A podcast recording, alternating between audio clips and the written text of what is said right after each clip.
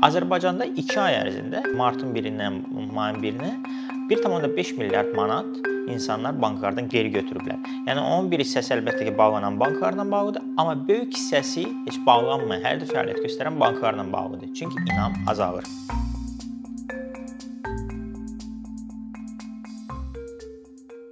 Cəmiyyətimizdə daimi olaraq həm qədim dövrlərdən başlayaraq orta əsrlərdə problem mövcud olub ki, kiminsə gəliri çoxdur, kiminsə gəliri azdır, kiminsə vəsaiti çoxdur, kiminsə vəsaiti azdır. Və bu daimi olaraq problem yaşadıb insanlara. Çünki kimin gəliri çoxdur, o bilmir öz vəsaitini hara yatırsın, kimin gəliri yoxdur, onun ideya və planları var, amma o vəsait tapa bilmir öz ideya və planlarını reallaşdırılması üçün. Orta əsrlərdə buna müəyyən həll yolu tapılıb. Bu həll yolu da indiki mövcud olan bank institutunun yaradılması ilə bağlıdır. Məhz bank institutu yaradılması nəticəsində kimin gəliri yoxdur, o müraciət edirdi müvafiq banka, oradan kredit vasitəsi götürürdü və onu öz ideyasına xərcləyirdi. Bəs bu kredit vasitəsi necə yaranırdı? Məhz kiminsə gəliri çox olanda o öz vəsaitlərini yatırırdı banka. Bank onun üçün həm sabitlik idi, çünki o özü bilmirdi öz vəsaitini necə saxlasın uzun müddətli dövrdə. Çünki inflyasiya, pulun ucuzlaşması, qiymətlərin artımı və s. çox ciddi təsir edirdi və gəliri çox olan insan daim fikirləşirdi ki, öz vəsaitini vəsaitini necə saxlasın uzun müddətli dövrdə və bank ona bu zəmanəti verirdi və müəyyən faizlə də qaytarırdı onun vəsaitini. Bu pul isə dövrəyə daxil olub, kimin pulu yoxdur, onun ideyanı reallaşdırmasına kömək edir. Məs belə əməkdaşlıq növündən əs əsaslanaraq bir çox ideyalar dünyada reallaşıb. Hətta Amerikaya səyahət olsun, olsun Hindistanın açılması və s. Yəni belə əməkdaşlıq növləri bizə çox böyük inkişaf verib. Düzdür, orta əsrlərdə ola bilər ki, bank vacib rol oynamayıb. Amma indi 20-ci əsrdə müasir iqtisadi sistemdə bank qan damar sisteminə çevrilib, iqtisadiyyatın qan damar sisteminə çevrilib və banksız artıq biz iqtisadi inkişaf barədə danışa bilmirik. Baxmayaraq ki, bizim yanaşmamız banka həm müsbət ola bilər, həm mənfi ola bilər. Həm onlara pis də baxa bilərik, deyə bilərik ki, onlar aldadıcıdırlar, amma onlarsız mümkün deyil artıq iqtisadi prosesləri davam etdirmək. Hətta iri şirkətlər belə olsun, onlar da məcburdur daimi olaraq banklara müraciət etsinlər. Bu məqamda əlbəttə ki, ən ən vacib amillərdən biri bu banklara inamdır. Çünki insanlar banklara inanmasa, burada bir çox problemlər yaşanacaq. Məsəl üçün insanlar banklara inanmır və bank yerinə yastığı seçir.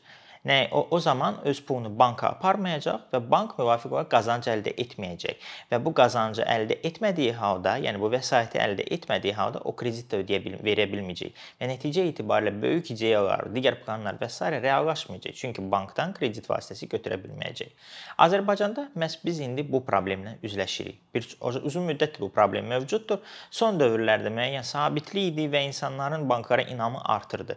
Amma bu ilin fevral ayından sonrakı dövr dövrdə insanların banklara inamı azalmağa başladı. Bunun əsas məqamlarından biri də o idi ki, Azərbaycanda əgər 30 bank var idisə, indi Bir neçə ay ərzində onların sayı 4 azaldı, 26 oldu. Bu isə böyük problemdir. İnsanlar artıq fikirləşirlər ki, əgər dünən 30 idi, bu gün 26, o bilə sabah ümumiyyətlə 22 oldu. Birdən o 22-yə azalan banklar arasında mənim də bankım oldu və insanların inamı azalmağa başlayır. İkinci amil Azərbaycanda biz üzləşdiyimiz o idi ki, bu 4 bankın bağlanma səbəblərindən biri o idi ki, maliyyə hesabatlarında yəni qeyri düzgün və doğru məlumatlar təqdim edirdilər. Yəni tamamilə e, demək olar ki, yalan danışırdılar öz hesabatlarında. Başqa sözlə, adi müştəri, adi vətəndaş əgər istəyir izləmək öz bankını, o yalnız maliyyə hesabatına müraciət edə bilər, saytında olan məlumatına müraciət edə bilər. Bu məlumat isə yalan oldu. Və nəticə etibarilə insanlar fikirləşir ki, biz heç nə inana bilmirik Yəni bu məlumatlar da düzgün çıxmadı, o məlumat düzgün çıxmadı. Nəticə etibarilə onlar öz əmanətlərini banklardan geri götürməyə başlayırlar.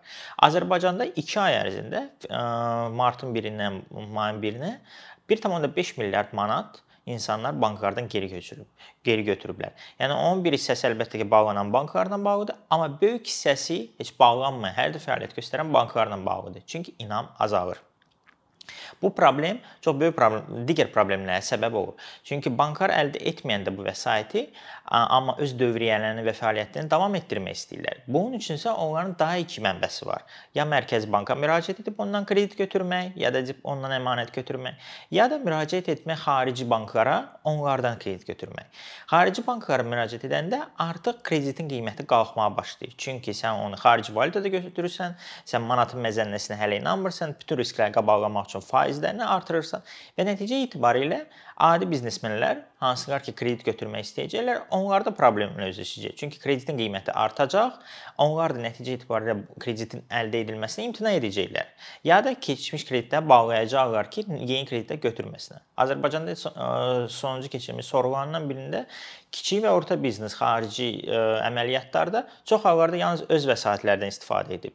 Ya da ən yaxşı halda lombard kreditlərdən götürüb, lombardlardan kredit götürüb. Çünki bu çox sadə sistemdir. Orada bilirsən konkret olaraq dövrdür, qaytarırsan və s. Amma banka inam olmadığı üçün onlar bankların vəsaitlərindən istifadə etməyiblər.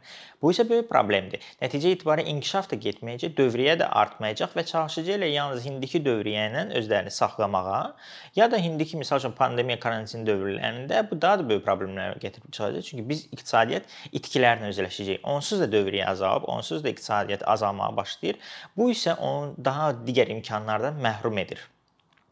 Ona görə inamın bərpa edilməsi çox vacib bir amildir. İnamın bərpa edilməsinə dair bir çox addımlar atılmalıdır. Əslinə qalsa bu addımların bəzi hissəsi Mərkəzi Bank tərəfindən atılmalıdır. Amma banklar tərəfindən də bir sıra addımlar atıla bilər. Məsəl üçün birinci addım olmalıdır ki, insanlara qərar vermə prosesinə tam azadlıq verilməlidir.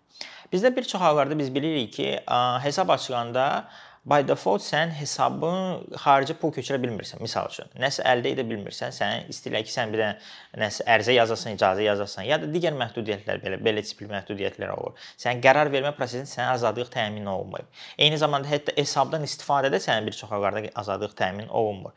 Yəni bunun təminatı ilk əvvəl birinci amil olacaq ki, banklara inam bərpa olunsun.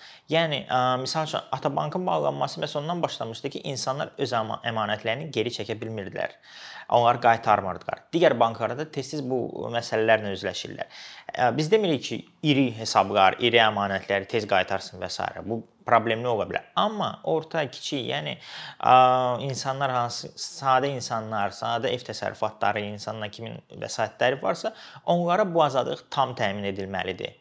Biz demirik ki, böyük həcmlədir, amma onlara tam təmin edilməlidir. İkinci məqam məhdudiyyətlərlə bağlıdır. Bizdə bir çox məhdudiyyət məhdudiyyətlər var. Məsəl üçün indiki halda hətta adi valyuta mübadiləsində məhdudiyyət var. Bu isə artıq insanların inamını azaldır.